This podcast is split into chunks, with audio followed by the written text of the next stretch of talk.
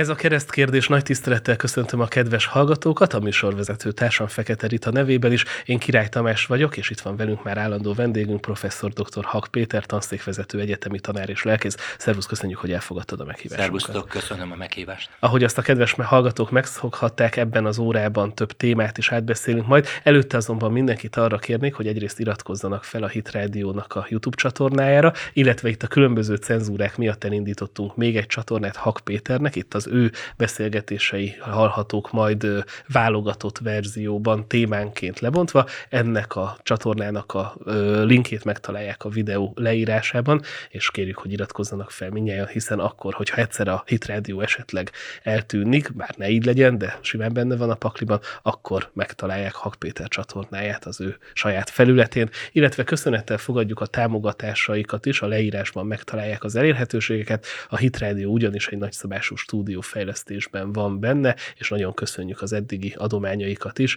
hiszen büszkék vagyunk arra, hogy mindenféle külső támogatás, tehát kormányzati támogatás vagy guruló dollár nélkül tud működni a Hitrádió. A szolgálati közlemények után pedig akkor belevágnánk a mai témáinkba. Kezdjük Izraellel, ahol továbbra is tart a háború. Most, amikor beszélgetünk, akkor már több mint egy hónap telt el azóta, hogy a Hamas egy kegyetlen támadást indított el Izrael ellen. És még talán, amikor ez a háború kitört, akkor is lehetett azt érzékelni, hogy az első napokban a világ közvéleménye együtt érzett Izraellel, és érezték, hogy egy megtámadott országnak joga van az önvédelemhez, de most, hogy egy hónap eltelt, azt látjuk, hogy Izrael minden egyes katonai beavatkozását komoly kritika éri nem csak a kommentelők részéről, hanem akár a nemzetközi térben, az ENSZ részéről, a WHO részéről és más nemzetközi szervezetek részéről is. Te hogy látod, mennyire jogosak ezek a kritikák Izrael szemben?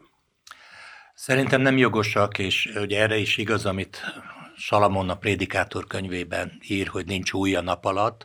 Tulajdonképpen Izrael önvédelemért folytatott küzdelme a kezdetektől fogva erről szól, az izraeli elemzők is leírják, hogy minden ilyen esetben, amikor Izrael megpróbálja megvédeni magát, akkor elindul egy óra amely mint egy sakkóra, hogy mennyi ideje van még cselekedni.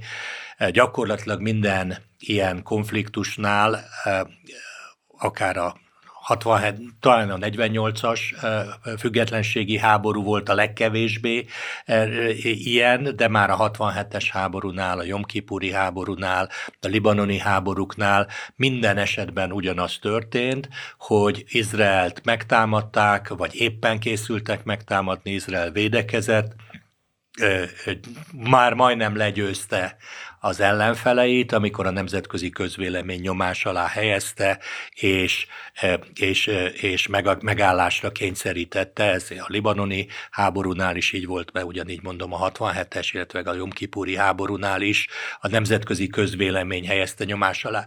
És minden ilyen háborúnál, hát van egy, van egy kritikus tényező, Ugye sajnos a háborúk azzal járnak, hogy, hogy történhetnek tévedések, emberi hibák, technikai hibák, és ugye a korábbi háborúknál is volt ilyen, a libanoni háborúnál, hogy eltévedt lövedék nagyszámú civilnek az a halálát okozta, és ez már olyan felháborodást váltott ki, hogy Izrael nem tudta megvédeni magát. Most a mostani helyzetben azt látom azért, hogy a támogatás még viszonylag jól megmarad. Ez több okra is visszavezethető. Az egyik, hogy Izrael markánsan stratégiát váltott. Ugye hosszú-hosszú időn keresztül az izraeli a nyilvánosságnak az izraeli megközelítésére az volt jellemző, hogy mindent megtesznek annak érdekében, hogy ne tűnjenek fel gyengének és sebezhetőnek. Ugye az izraeli társadalom számára a holokauszt, az áldozati szerep az egy nagyon-nagyon-nagyon nagy trauma volt, hosszú ideje tartó trauma, ma is élő trauma, néha a kívülállók ezen csóválják a fejüket, vagy értetlenkednek, de hát gyakorlatilag egy 11 e, néhány milliós népességből 6 millió áldozat, az, az egy nagyon-nagyon nagy trauma. És, e, és emiatt a trauma miatt Izrael tulajdonképpen 48 óta, ahogy az államalakítás, a függetlenségi háború óta nagyon vigyáz arra, hogy a világ szemében erősnek és, és önmagát megvédeni képesnek tűnjön. Ugye ez volt az oka annak, hogy például a második intifáda idején, amikor a buszrobbantások voltak, nagyon-nagyon ritkán lehetett látni a nemzetközi sajtóban a robbantások áldozatairól fotót. Tehát nagyon vigyáztak, hogy nem mutattak halottakat, nem mutattak sebesült áldozatokat.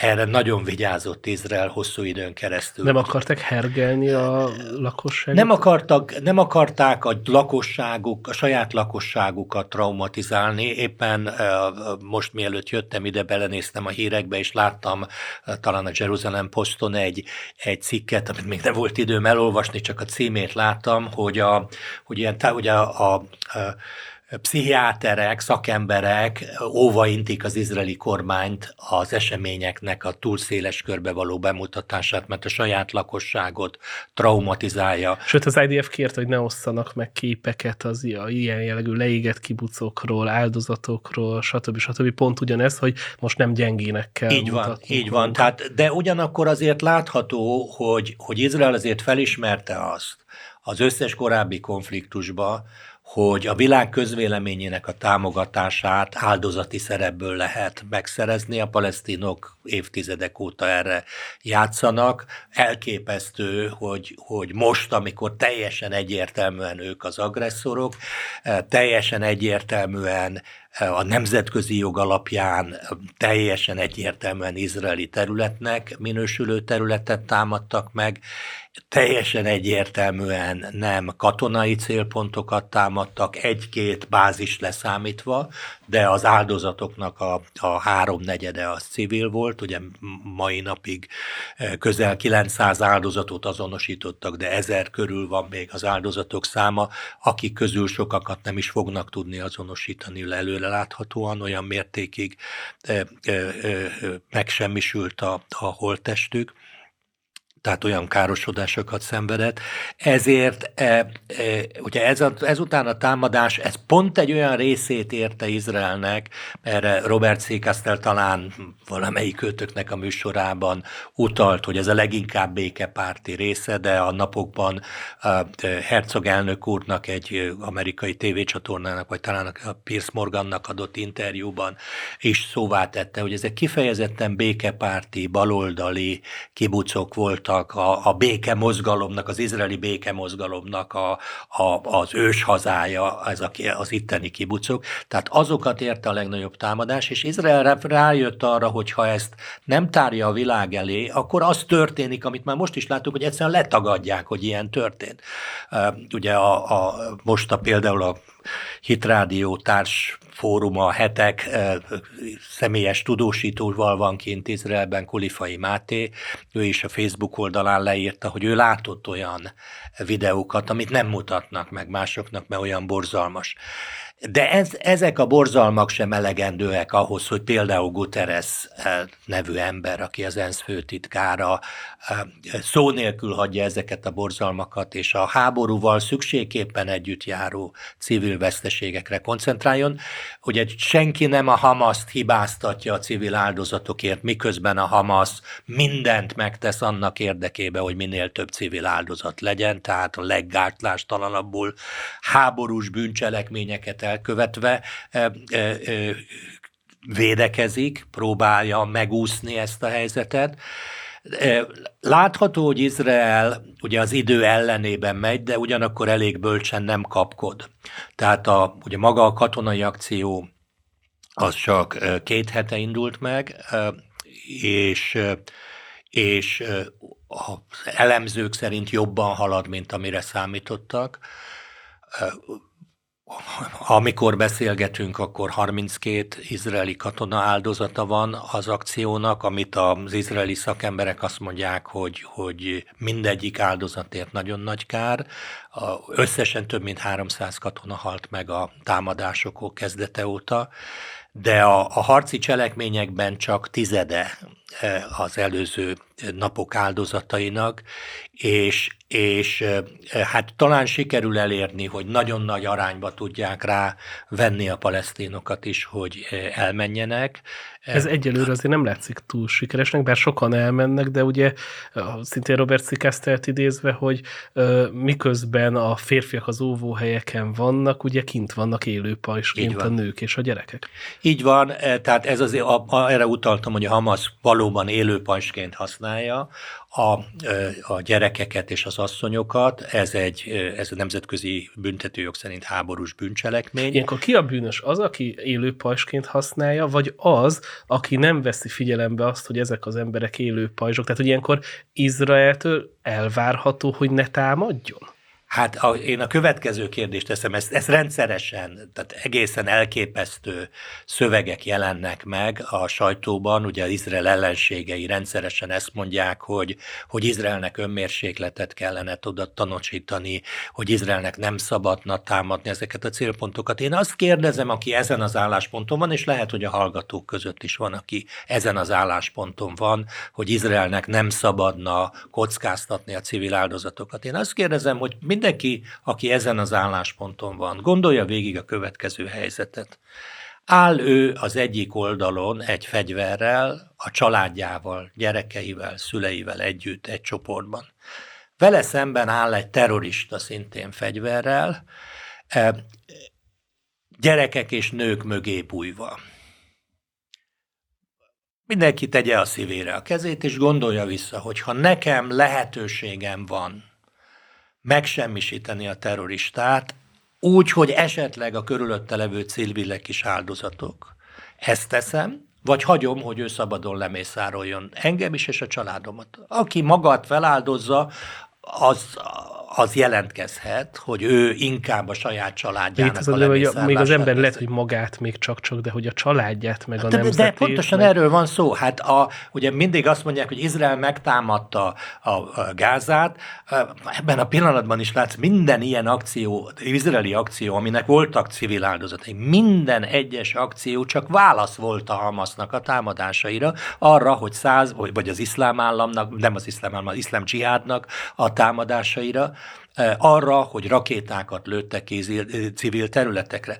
Arról eh, az már nem Izraelnek a felelőssége, hogy miközben Izrael fenyegetve van, addig a, a, elsősorban a pénzeket, az erőfeszítést a védekezésre fordítja, vaskupola, illetőleg, hogy gyakorlatilag minden lakóház és minden középületben bunkereknek kell lenni. Ugye ehelyett a Hamas vezetői büszkén állítják, hogy amiket ők kiépítettek bunkerhálózatot, az csak nekik van. A civileket védje meg az ENSZ. Na most ugye ebben a helyzetben, tehát le ugye azt kell látni, egy rendőri akcióban is az a, az a törekvés, hogy a civileket kiméljék meg az utolsó pillanatig, de de van egy pillanat, amikor, amikor civil áldozatokon keresztül lehet csak megmenteni sokkal több civilt. Tehát ha most Izrael azt tenné, amit néhányan a nyugati világban kérnek, meg az arab világban kérnek tőle, hogy azt mondja, hogy tekintettel arra, hogy a Hamas beásta magát kórházak, mecsetek, iskolák, lakóházak alá. Olyan fegyver nincs, ami bemegy az alagútba, körülnéz, kiválogatja, hogy ki a terrorista és ki a civil áldozat, és a terroristát megöli a civileknek, meg ételt oszt. Ilyen fegyvert még nem találtak fel, ez nem létezők, hogy ugye minél a, a, a szárazföldi hadműveletek eh, bizonyos értelemben csökkenthetik a, a civil áldozatok számát. A bombák nem akármennyire precíziós, és akármennyire igaz a mai napig az, hogy Izrael megteszi azt, amit a világon egyetlen más hadsereg sem, hogy e-mailekben, SMS-ekben, telefonhívással, ugye robbanó, tehát csak dur, úgynevezett kopogtató akció, hogy egy olyan rakétát lőtt ki, amik drága, sok ezer dolláros vagy rakéták rálövi a házra, hogy jelezze, hogy hamarosan érkezik egy nagyobb bomba, hogy időt adjon az embereknek az elmenekülésre. De ugye de hát vannak, akik nem menekenek el, vannak, akik büszkén vállalják, hogy ők mártírok lesznek. Ez a, ez a stratégia, ugye, ugyanez a probléma egyébként, hadd említsem meg, a, hogy a nemzetközi jogászok rendszeresen szóvá teszik, hogy micsoda dolog az, hogy Izrael az öngyilkos terroristáknak a házát lerombolja. De akkor adjanak egy választ arra, hogy mit lehet kezdeni egy öngyilkos terroristával. Hogyan lehet egy öngyilkos terroristával szemben a büntetőjognak a célját érvényesíteni. Ugye a büntetőjognak a célja az, hogy őt, illetőleg másokat elrettentsen akkor további bűncselekményektől. Egy öngyilkos terroristát nem lehet elítélni, mert már meghalt. Nem lehet őt elrettenteni a halálbüntetéssel sem, mert direkt azért megy oda, hogy meghalljon.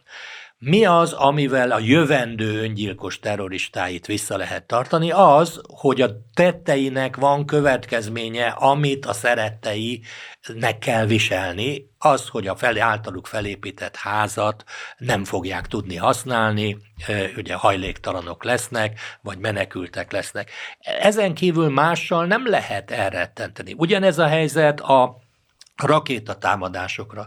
Minden felvételen, ami az internetre felkerül, amit az Al Jazeera készít, azokon is nagyon világosan látszik, hogy a sok ezer rakétának a döntő többsége sűrűn lakott területről ö, ö, ö, indul el.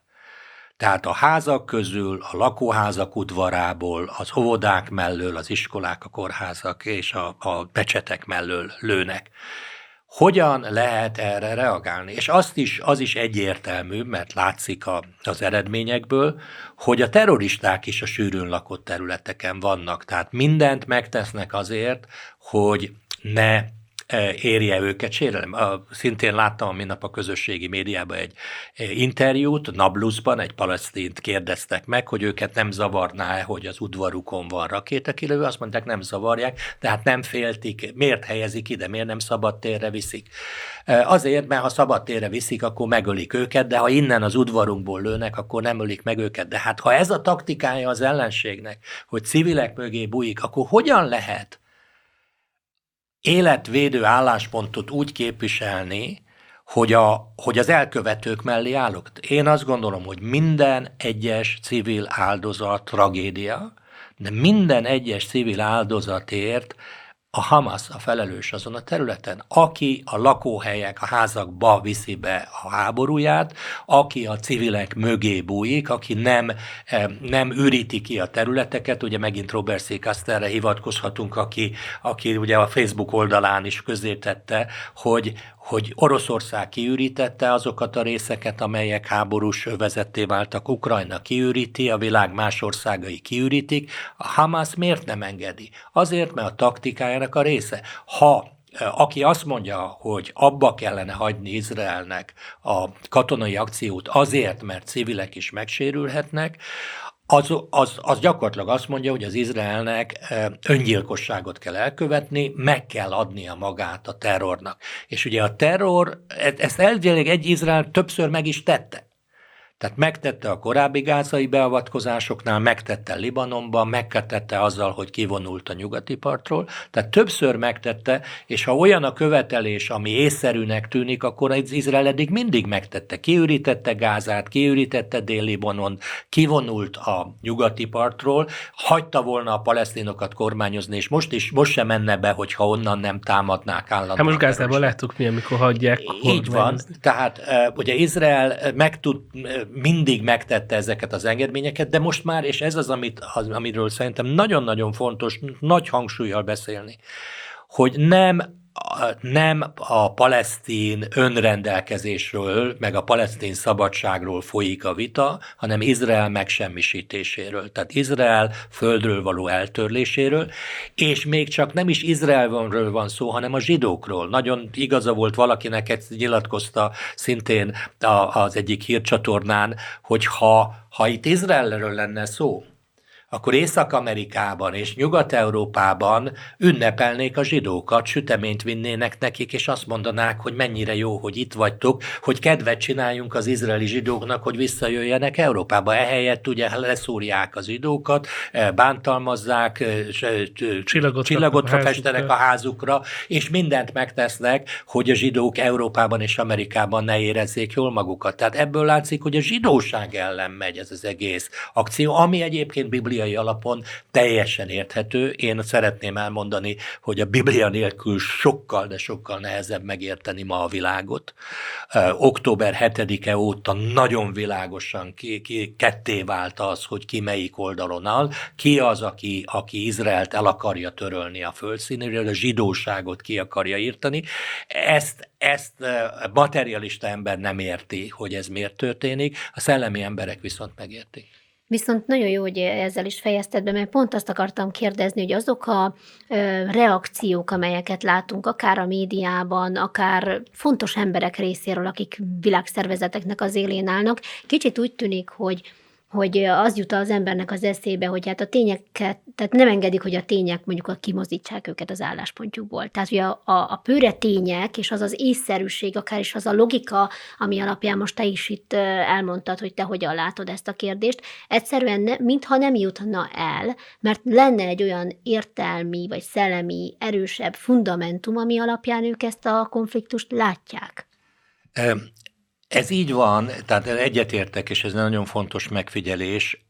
Az embereknek vannak koncepcióik, prekoncepcióik. Tehát van egy, manapság ugye divati szóval, van egy narratívája, és ugye a, a, nem úgy, ma már a, a közösségi média, a közösségi média tulajdonképpen a megismerésnek az objektív lehetőségeit szerintem nem javítja, hanem rontja.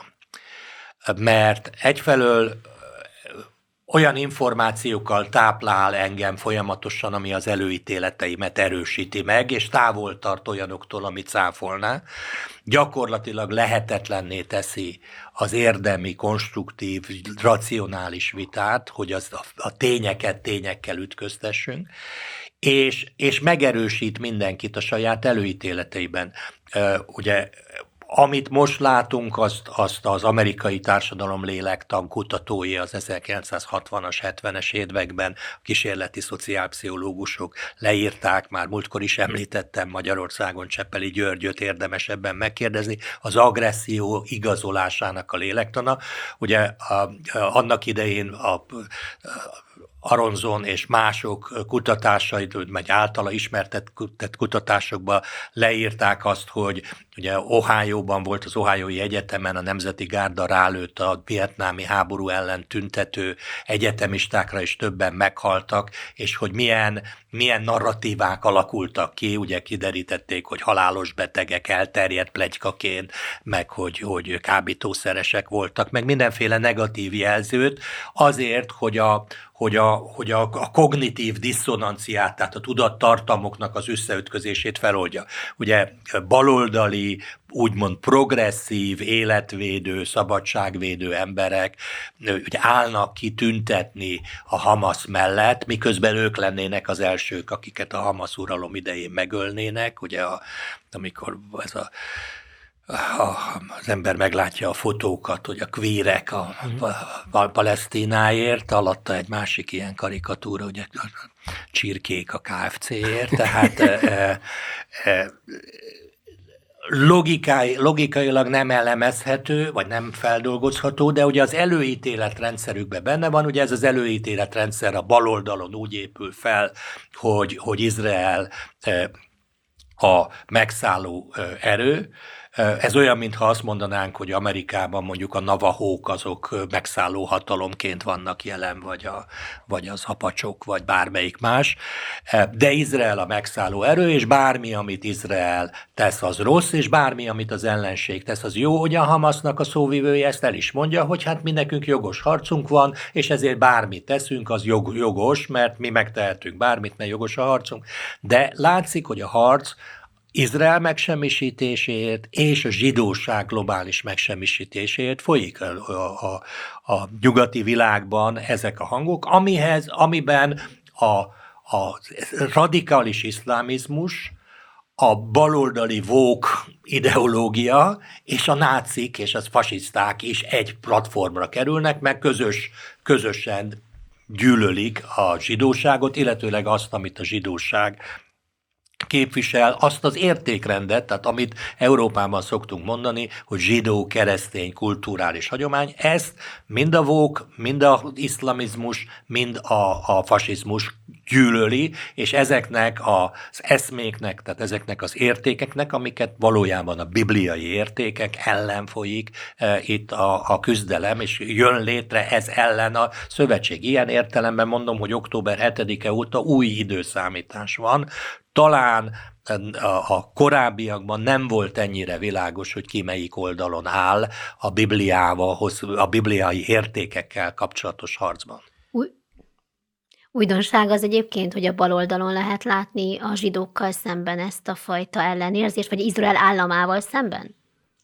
Annyiban újdonság, hogy amikor Izrael állama megalakult, akkor, akkor, a, akkor a baloldal támogatta Izraelt és, és ugye hosszú ideig baloldali kormánya is volt Izraelnek, hogy egészen a 70-es évekig Menahem Begin választási győzelmévig végig a munkapárt volt, vagy annak a különböző elnevezésű előzményei voltak uralmon Izraelben, tehát a baloldal kezdetekben szimpatizált Izraellel, de az kétségtelen, hogy talán már a 67-es háború óta a nyugati baloldal az hagyományosan Izrael ellenes, a, a, a nyugati jobboldal pedig inkább Izrael párti, bár az sem feltétlenül, de inkább Izrael párti. Ugye Amerikában ez, ez egy érdekesebb helyzet, hiszen Amerikában a zsidóság az a le, az egyik legelkötelezettebb támogatója a demokratáknak, a baloldalnak, mind szavazataiban, mind anyagi támogatásában, ami, ami nagyon-nagyon fontos a demokratáknak, de már amióta, amióta folyamatosan az, az izraeli baloldal veszít, és az amerikaiak által is támogatott kétállami megoldás, illetőleg béke folyamat veszélybe került, mert az izraeliek ugyan nyitottak voltak a békére. Itt szeretném újra hangsúlyozni, kezdetektől fogva Izrael volt az, amelyik elfogadta a kompromisszumos javaslatokat, és az arabok voltak azok, akik ezt elutasították. Így volt ez már a, a mandátumi terület idején, tehát amikor a britek ajánlottak felosztást, így volt az ENSZ felosztásnál, így volt az oszlói megállapodásnál, az azt követő e, béketárgyalásoknál, amikor Ehud Barak tulajdonképpen mindent felajánlott, amit emberileg el lehet képzelni, de egyik sem volt elég a palesztinoknak. A, ugye a, a, a soft palesztin álláspont az a 67-es határok, aminek gyakorlatilag semmilyen érdemi jelentősége nincs, mert 67 előtt sem volt a 67-es határokon kívül palesztin állam azon a területen, soha nem volt. A, ugye a, a, a keményebb álláspont, és az a probléma, hogy a palesztin lakosságnak úgy tűnik, hogy a többsége ezt támogatja, úgy tűnik, hogy a Hamas támogatják, és a Hamas által képviselt teljes Palesztina, tehát ez a folyótól a tengerig, a teljes izraeli területen. Ez... És ilyenkor mi lenne a zsidókkal? Tudom, hogy ennek semmi realitása nincs, csak hát ott azért többségében zsidó emberek élnek. Persze. Hát, hát hogy, hát hogy, hogy akkor ők megköltözzenek él. vissza oda, honnan jöttek? Igen, valószínűleg, a... valószínűleg ez a, nem, tehát tulajdonképpen itt derül ki, nagyon jogos a kérdésed, szóval itt derül ki, hogy itt a megsemmisítés, tehát itt a, a, a, a hitleri végső megoldásnak a, az új feléledése van, tehát hogy ezek, akik a, ebben a konfliktusban a Hamas mellé állnak, ezek nem tudnak választ adni arra a kérdésre, hogy mi történjen a zsidókkal. A palesztinai arabok azt mondják, hogy menjenek vissza Európába, vagy oda, ahova jöttek. Megjegyzem, hogy egy jelentős részük például az arab országokból volt előzve. E, de hogy menjenek vissza oda, ahova jöttek, kétségtelen az arab országok nem fogadnák be, de ugyanakkor az európaiak, meg az észak-amerikaiban lévő arabok sem, meg muszlimok sem, azok nem akarnak itt sem zsidókat látni. Tehát gyakorlatilag az igazi válasz az a megsemmisítés. Tehát ezért teljesen jogos az, hogy Izrael most nem egy, nem egy területszerzési háborút folytat, hanem a túlélésért harcol, egyetértek azzal, amit Netanyahu miniszterelnök mondott, a háború elején, hogy ez a második függetlenségi háború. Élet-halál kérdése ez, és az egy nagy kérdés, hogy a világ mennyire tiszteli Izraelnek az élethez való jogát. Ugye a Bibliában látjuk, hogy ezt e, e, a második Zsoltárban, hogy a világ vezetői nem nagyon szívesen látják Izraelt. A Biblia azt előre megmondta, mert Izrael léte emlékezteti őket, vagy egy felkiáltó jel előttük arról, hogy hát, ha mégis igaz a Biblia. Hm.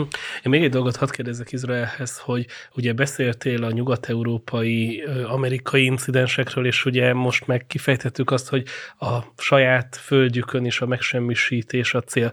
És amiket most látunk képsorokat, azért azok erőteljesen emlékeztetnek a világháború korabeli képsorokhoz, és ugye azt most így a kapásból azt mondják, hogy holokausz soha többé nem történhet, vagy olyan a zsidókat korlátozó intézkedések nem történhetnek, aztán közben boltok kirakatán látjuk, hogy bolykottálják a zsidó-izraeli termékeket, stb. stb. Szóval, hogy miközben mi télünk ilyen teljes naivitásban, te el tudod azt képzelni, hogy a háttérben fortyognak olyan erők, amelyek akár egy újabb holokauszthoz, vagy egy újabb tragédiához vezetnek?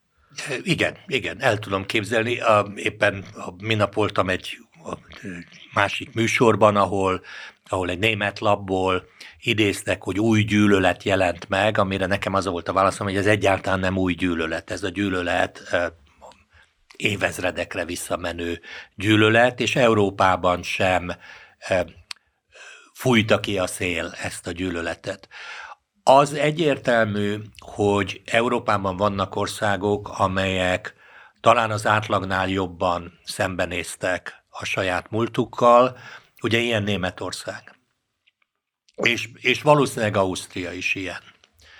De, de mind a két országban maradtak komoly pozíciókban holokauszt tagadók, akik tagadják, hogy ez megtörtént volna, és mindegyik országban, Magyarországon is vannak olyanok, akik, akik akik a zsidókat hibáztatják azért, amit, ami velük történt, és, és nyitottak lennének arra, hogy újra megtörténjen.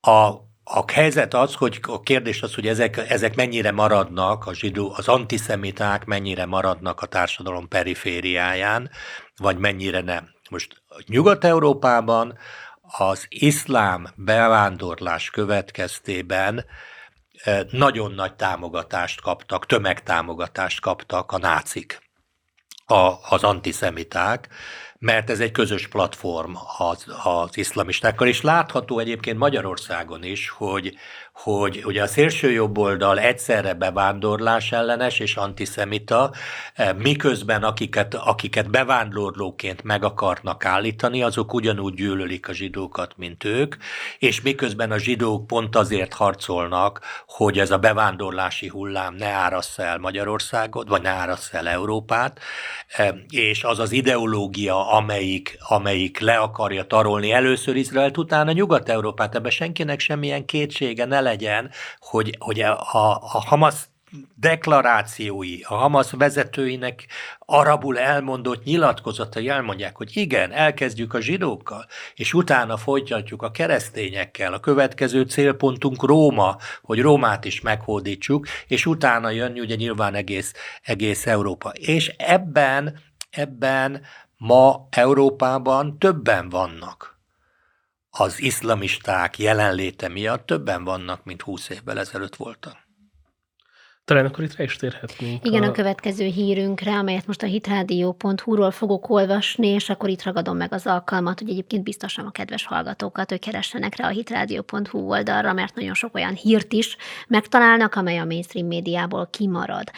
Tehát parancsot kaptunk Németország megszállására, magyarázza egy fiatal muszlim a Visegrád 24 által az X közösségi médiában közétett felvételen. A videón feltetően egyébként egy tüntetésnek a résztvevőjét kérdezik meg több kérdésben, és például hát ez is elhangzott, hogy parancsot kaptak Németország megszállására, emellett pedig azt mondja, hogy minden muszlim a sária alapú jogrend bevezetését szeretné az egész világon, aki mást mond, azt hazudik. Én azért vitatkozom azzal, hogy minden muszlim, de kétségtelenül, hogy, a, hogy a, az iszlámnak ez egy nagyon-nagyon erős hitbeli meggyőződése, hogy hogy, a, hogy a, meg kell teremteni a kalifátust, hogy a, a világon akkor jön el a béke és a harmónia, hogyha az iszlám egyeduralkodó lesz a világban. Ez egy alapvető hittétel a, az iszlámban. Nyilván ugyanúgy, ahogy a kereszténységen belül is vannak, akik, akik ö, ö, markánsan hisznek a saját ö, ö, hitük alapját képező bibliai kijelentésekben, magunkat is ide sorolom, és ugyanígy, a, és vannak olyanok, akik, akik hát egy évben háromszor mennek el templomba, de kereszténynek tartják magukat, és nem hisznek igazából a pokolban, nem hisznek a Bibliában, nem hisznek a bibliai kijelentésekbe. Ugyanez az a, a tehát ezt Magyar Európában ugye kulturális kereszténységnek nevezzük. És nyilván az iszlámon is belül is van kulturális keresztény, akik számára az iszlám az egy vallási tradíció.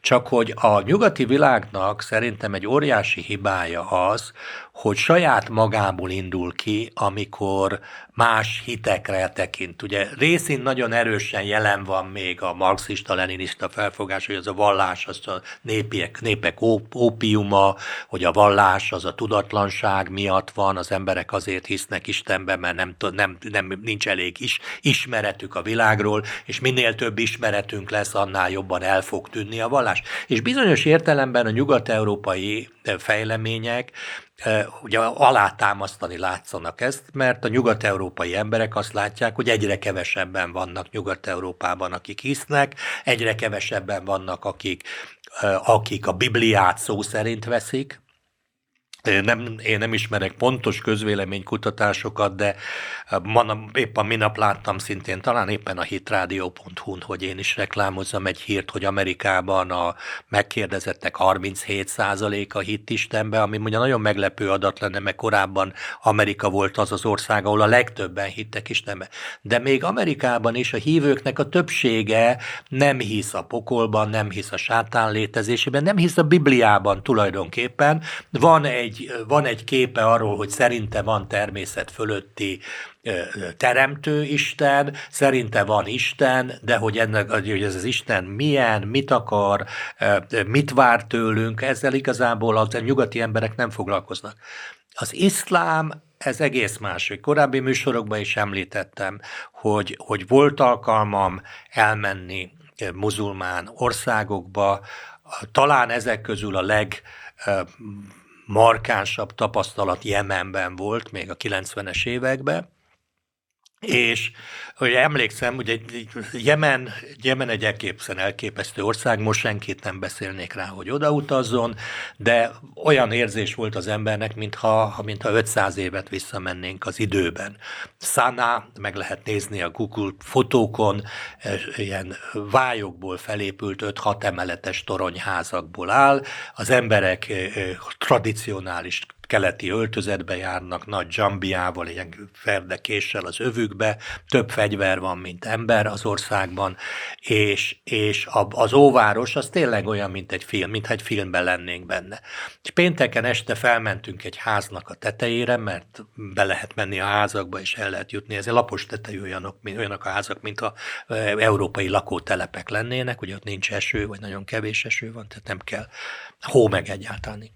Felmentem egy háztető, és pont akkor eh, szólalt meg a műezin. Eh, ugye Szanna egy, ma nagyon magasan van, eh, és, és egy ilyen teknőszerű, és hát az egész hatalmas területen az egészet betöltötte a műezin.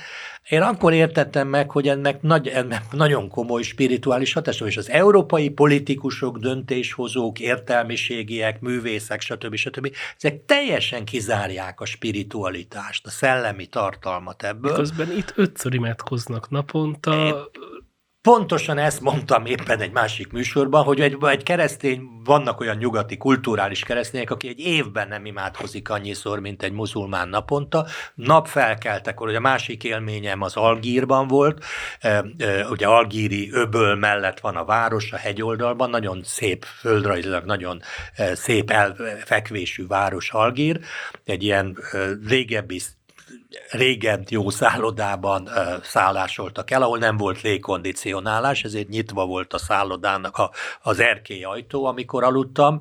Hajnali, azt hiszem öt vagy fél hatkor szinte kiestem az ágyból, mert megszólalt a bűezin, és az egész völgyet betöltötte, és már hajnalban mennek az emberek imádkozni.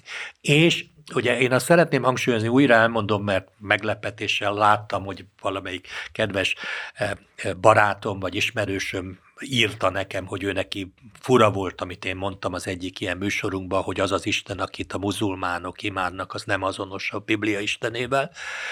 Allah az nem azonos Ábrahám, Izsák, Jákob Istenével, Izrael Istenével, Jézus atyával és újra el kell mondanom azt, hogy az iszlámban minél jobban visszamegy a Koránhoz, minél fundamentalistább, annál agresszívabb és erőszakosabb, annál inkább a halál mellé áll. A kereszténységben minél inkább visszamegy valaki a Bibliába, annál inkább ellene van a halálnak. A bibliai kereszténységgel összeegyeztethetetlen a kereszténység erőszakkal való terjesztése, amit az inkvizíció csinált, az teljesen ellentétes a bibliai kereszténységgel. De az iszlámban benne van, a Koránban benne van, hogy karddal kell az iszlámot hirdet, terjeszteni az, az iszlám eh, hívő számára egy életcél, hogy a világot iszlámmá tegye. Keresztényeknek is annak kellene lennie, de ők nem vesz, a keresztények sokkal kevésbé veszik komolyan a saját hitüket, e, de hogy az eszközökben, a célok azok azonosak mind a két oldalon, az eszközökben van különbség. A kereszténység azt mondja, a Jézus szavait idézve, a Máté evangélium végéből, hogy elmenvén tegyétek tanítványokká a népeket, megkeresztelve őket az atyának, a fiúnak és a Szent Szellemnek a nevébe, tanítván mindazokra, amiket én e, e, parancs parancsolok nektek, és ezek a, parancsolatokban az van, amikor megkérdezték Jézust, hogy mi a nagy parancsolat, az, hogy szeresd az Urat, a te Istenedet teljes szívedből, teljes lelkedből, teljes elmédből, minden erődből, és szeresed a fele barátodat, mint önmagadat. És utána Jézus még azt is hozzáteszi, hogy ne csak a, a, a fele barátokat, hanem az ellenségetet is szeressed. A Koránban ilyeneket nem találunk. A Korán számára a, a Mohamed profétától kezdve a karddal, tűzzel való terjesztése az iszlámnak, az egy szent vallási cselekedet, és ugye az európaiak azt gondolják, hogy ha ők kiraknak egy ilyen magatartási szabályrendszert a falakra, hogy, hogy a, a, nők, a nőket nők egyenrangúak a férfiakkal, hát tisztelni kell a nőket, eh, hogy, hogy nem szabad megölni valakit a, a szexuális orientációja alapján, akkor majd ezt elolvassák a, a, az iszlám hívők, és azt mondják, hogy ja, bocs, most Most volt, volt egy ilyen élményem, hogy készítettem egy interjút egy Svédországban élő hölgyel, akinek a szomszédja volt egy időben az a terrorista, aki Brüsszelben ugye két svéd embert megölt, és meséli a hölgy, hogy hát a svéd rendőrség például úgy próbál a bűnözésre megoldást találni a migráció okozta bűnözésre, hogy meghívják a migránsokat pizzázni, és akkor leülnek velük beszélgetni, meg cukrokat osztogatnak a felnőtt embereknek, hogy ezzel majd biztos jobb lesz. És ugye ez volt az izraeli békepártnak is az álláspontja, hogy üljünk le, tárgyaljunk, győzzük meg őket. Csak azzal ugye Golda Meir mondta, ő egy baloldali miniszter volt, hogy nem lehet azzal békét kötni, aki a halálomat kívánja. Mert az ő számára a béke akkor jön el, ha én megsemmisülök. Tehát nincs tárgyalási És alap. most ezt is látjuk, az a tárgyalási alap, hogy Izrael állam ne létezzen. Így van. Így van. Tehát a, a Hamasnak az a követelése, ők azt állítják most nyíltan, és ugye ebben kellene a világnak kihozanodni. Azt állítják, hogy ők meg fogják ismételni azt, amit október 7-én tettek, egészen addig, amíg Izrael meg nem semmisül. És még egy fontos dolog, hogy a túszokat ugye nem engedték, néhány kivétellel nem engedték szabadon a túszokat. Ugye azt követelik, hogy az összes palesztin foglyot, akik jóval többen vannak, ha jól emlékszem, több ezer palesztin fogoly szabadon bocsájtását követelik a túszok, az izraeli túszokért cserében. De ugye az az érdekes, hogy az izraeliek erre azt mondták, hogy ha ezt ők komolyan gondolnák, ők erre nyitottak lennének, de valójában nincs ilyen tárgyalás is. Nyilván, ha a legminimálisabb humanizmus lenne, akkor a gyerekeket, nőket már régen el lehetett volna engedni. Hogy, hogy pár hónapos gyerekeket, egy éves, öt nyolc éves gyerekeket nyilvánvalóan föld alatti alagutakban tartanak most már egy hónapja. Hogy ettől a világ nem háborodik fel elemi erővel. Sőt, nem csak, hogy nem háborodik fel, hogy azt látjuk, hogy tépegetik le ezeknek az áldozatoknak a képét Amerikában is, meg Nyugat-Európában is. Tehát én azt gondolom, hogy újra mondom, látszik, hogy a világ milyen irányba megy, a Jézus maga elmondta, hogy az utolsó idők hasonlók lesznek, mint Noé idejében volt.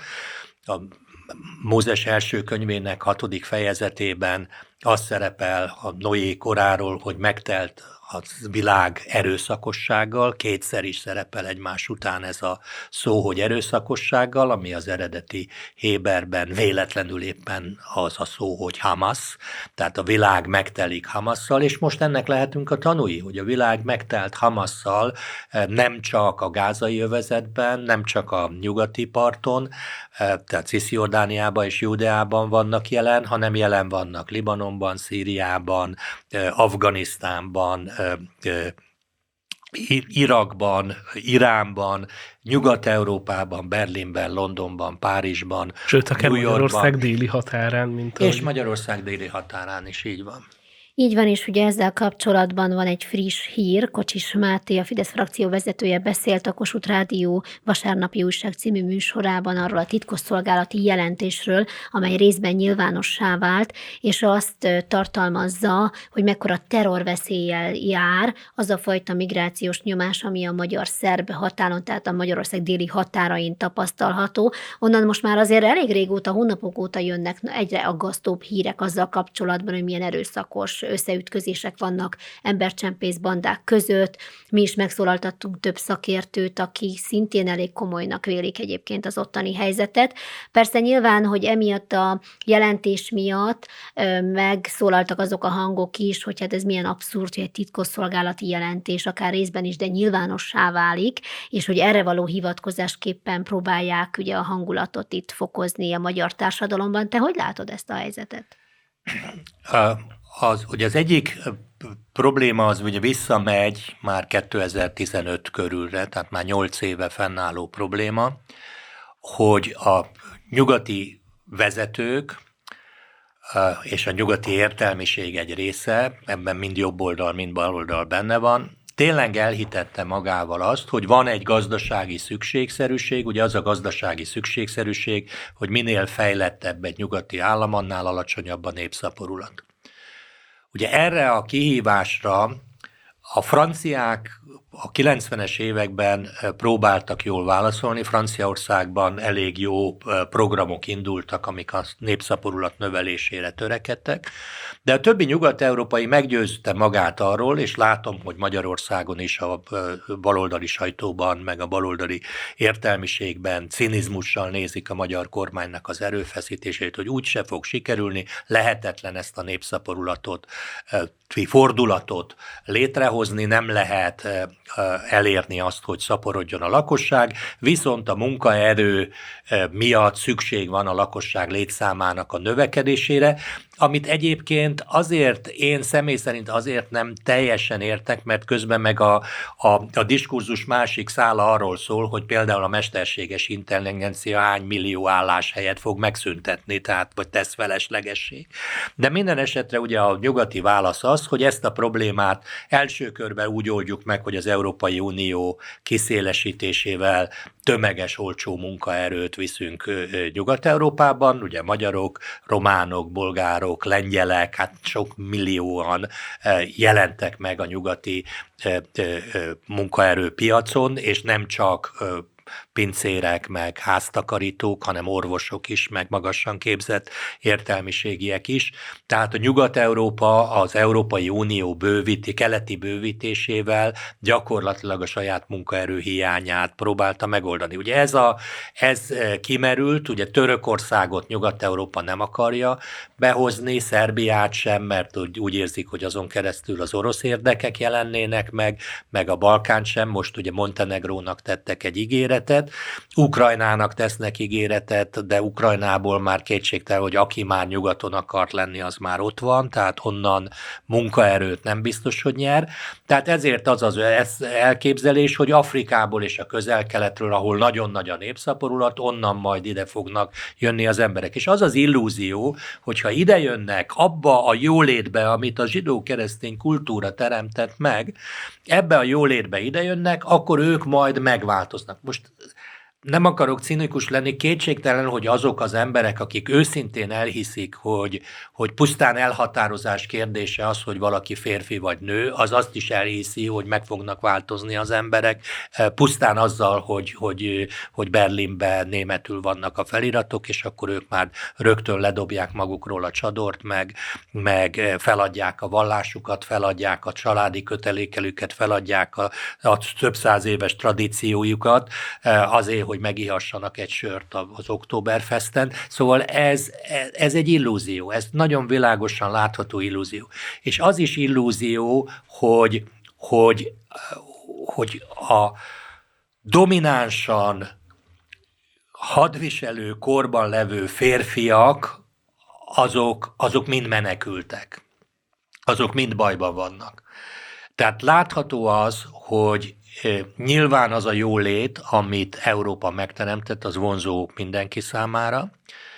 Szerintem igaza volt annak idején Orbán Viktornak, aki azt mondta, hogy a legrosszabb állapot az, hogy Európa gazdag, de gyenge, nem tudja megvédeni magát, nem tudja megvédeni a határait. Voltak Európának, illetve a nyugatnak olyan beavatkozásai, amik egyfelől igazolhatók voltak, mert ronda diktátorok hatalmát döntötték meg akár Líbiában, akár Irakban, de elszabadítottak egy olyan problémát, amit láthatóan nem tud kezelni Európa.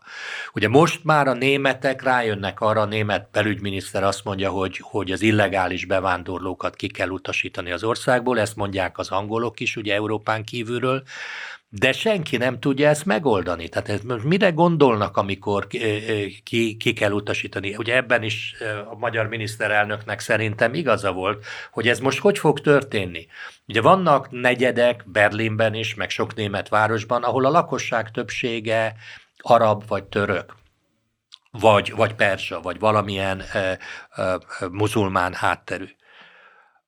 Ott ebből a tömegből ki és hogy fogja kiválogatni az illegális bevándorlókat. A, gyakorlatilag olyan akciókra gondolnak, mint amit most Izrael tesz, hogy hadsereggel körülveszi azt a lakótelepet, és behatol, és legyenként letartóztatja azokat, akik, akik illegálisan tartózkodnak Németországban. Ez egyes számok szerintem milliós nagyságrend. És akiket letartóztatott, azokkal mit fog csinálni? Beviszi őket táborokba? Hogyan, hogyan fogja kiutasítani az országból. Ugye ezt mondja a német belügyminiszter, megnyugtatandó a kedélyeket, hogy ki fogjuk utasítani őket. Hogyan utasítják ki? Felrakják bilincsben a repülőre gyerekeket, asszonyokat? Mert ezek ugye addigra már lehet, hogy a család egyesítés is megtörténik. De csak a férfiak, most felejtsük el akkor a gyerekeket és az asszonyokat, csak a férfiakat. Azokat harccal legyőzik, megbilincselik, felrakják a repülőre, és elviszik őket hova? Afganisztánba? Le se tudnak szállni a repülők, hát a tálibok nem fogják engedni leszállni, akkor ledobják őket ejtőernyővel? Elviszik Irakba? Hova? Szíriába elviszik? Hova viszik? Hogy viszik el? Hogy, hogy, hogy valaki magyarázza el az európai elitből, hogy ők hogy gondolják azt, hogy az illegális bevándorlókat, akik akiknek semmilyen okuk és alapjuk nincsen, azon kívül, hogy otthon szegények, de ugye ez a, ez a baloldali ideológia, hogy a, a szegénységet meg fogjuk azzal szüntetni, ha az összes szegény felvándorol északra. Ugye Amerikában is a nyitott határok mellett ezért érvelnek, ugye a, a extrém baloldali demokrata képviselők mondják azt, hogy, hogy hát a határ átlépés az nem illegális, miért tartóztatják le azokat, akiket a határon átlépnek, akik a zöld határon. Ott is ugye naponta tíz, tízezrek jönnek át a határon ellenőrzés nélkül.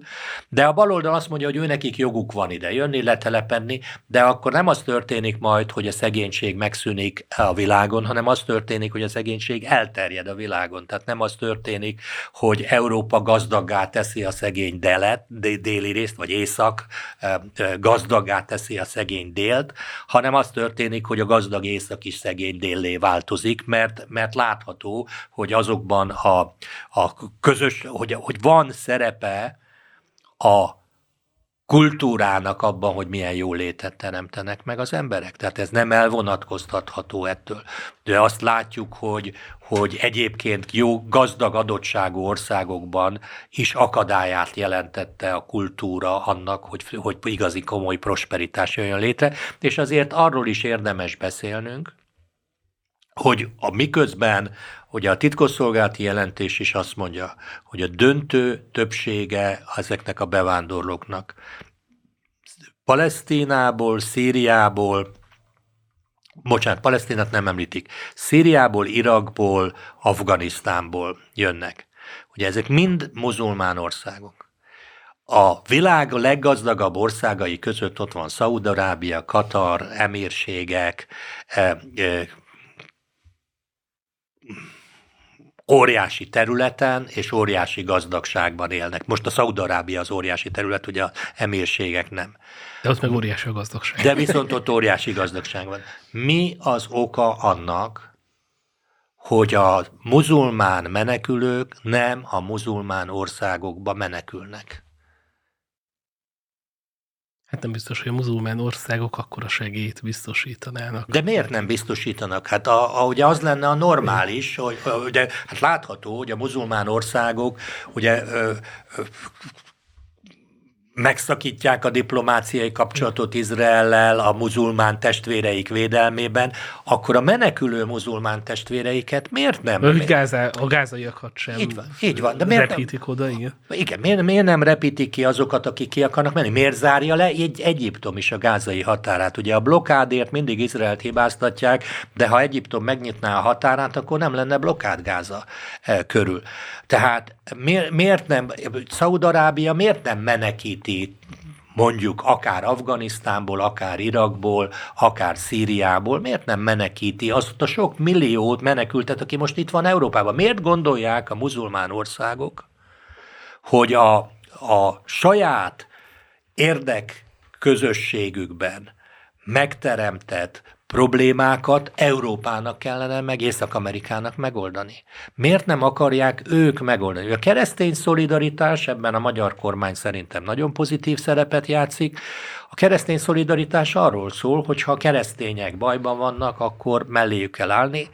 Zárójel, ugye azért nemrégiben beszélgettünk az örményekről, itt azért a magyar kormánynak, vagy a magyar miniszterelnöknek voltak vitatható megnyilatkozásai az utóbbi időben a türk tanácsülésén. Én biztos, hogy nem tartanám jó ötletnek gratulálni Azerbajdzsánnak Nagorno-Karabakh elfoglalásáért, és, és ugye százezernél több örménynek a, az etnikai elüldözéséért, de elvileg a keresztény szolidaritásban az van benne, hogy a bajba került keresztényeket segítjük. A, a, az iszlámban ez nincs benne. Tehát a muzulmán országok nem teszik meg. Szaudarábia könnyebben tudná befogadni és abszorbálni a muzulmán tömegeket, mint, mint Franciaország vagy Németország, de de ez ellentétben van a saját ideológiai meggyőződésével, és, és ez az, amivel az európaiaknak mindenképpen számolnia kellene, hogy a, az azok az emberek, akikkel szemben állunk, azok nem úgy gondolkodnak a világról, ahogy mi. Tehát nem azt mondják, hogy amit szeretnéd, hogy mások veled tegyenek, azt tedd is ővelük, hogy ami egy keresztényi alapelv, de a zsidóságban is benne van, hanem azt mondják, hogy van nekem egy küldetésem, és ez a küldetés az, amit ez az nyilatkozó, amire rákérdeztél, Rita, ez a nyilatkozó is elmond, hogy foglaljuk el az Európát, mert az az ő jövőképük, hogy az egész világon iszlám uralom lesz, az az ő jövőképük, hogy először a zsidókat, aztán a keresztényeket az iszlám eh, hódoltság alá rendeljük. És ugye ezért, eh, hát nagyon kritikus azért a helyzet, hiszen az iszlám vallási vezető azt mondta, hogy a, a október 8-án iráni vallási vezető, hogy ez az akció, ez ugye Allah felsőbbrendűségét bizonyítja e, e, a világ számára, e, ezzel nagyon-nagyon magasra tette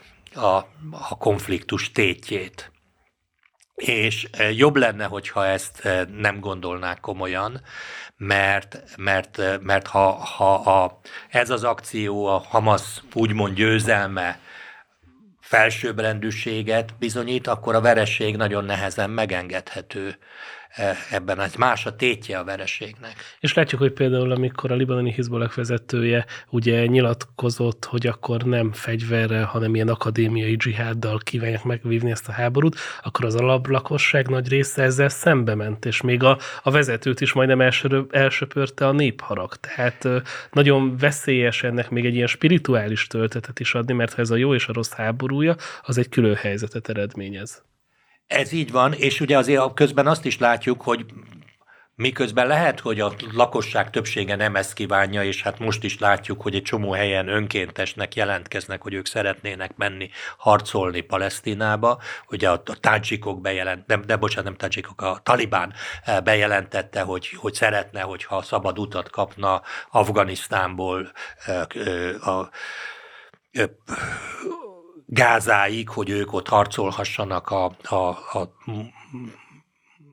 testvéreikért. Erdogán is belengedte. Erdogán is így van belengedte, és ugye ki, tulajdonképpen azért Erdogánnak is az igazi természete ebben megjelent. Ez az, amit mondok, hogy október 7-e óta, tehát egy nagyon erős vízválasztó, mindenkiből jobban kijött, hogy mi van igazán eh, benne. De ezek, ezek, eh, eh, tehát ezek a, a, a harcok viszont azt is, vagy ezek fejlemények azt is bizonyítják, hogy amit annak idején mondtak, és amire a nyugati elit megint csak legyintett, hogy mi ez, hogy ezért, hogy, hogy, hogy az egyetemeken terjeszteni kell. Most látjuk, hogy már, már ben vannak, már megnyerték, már, már ők vannak meghatározó pozícióba.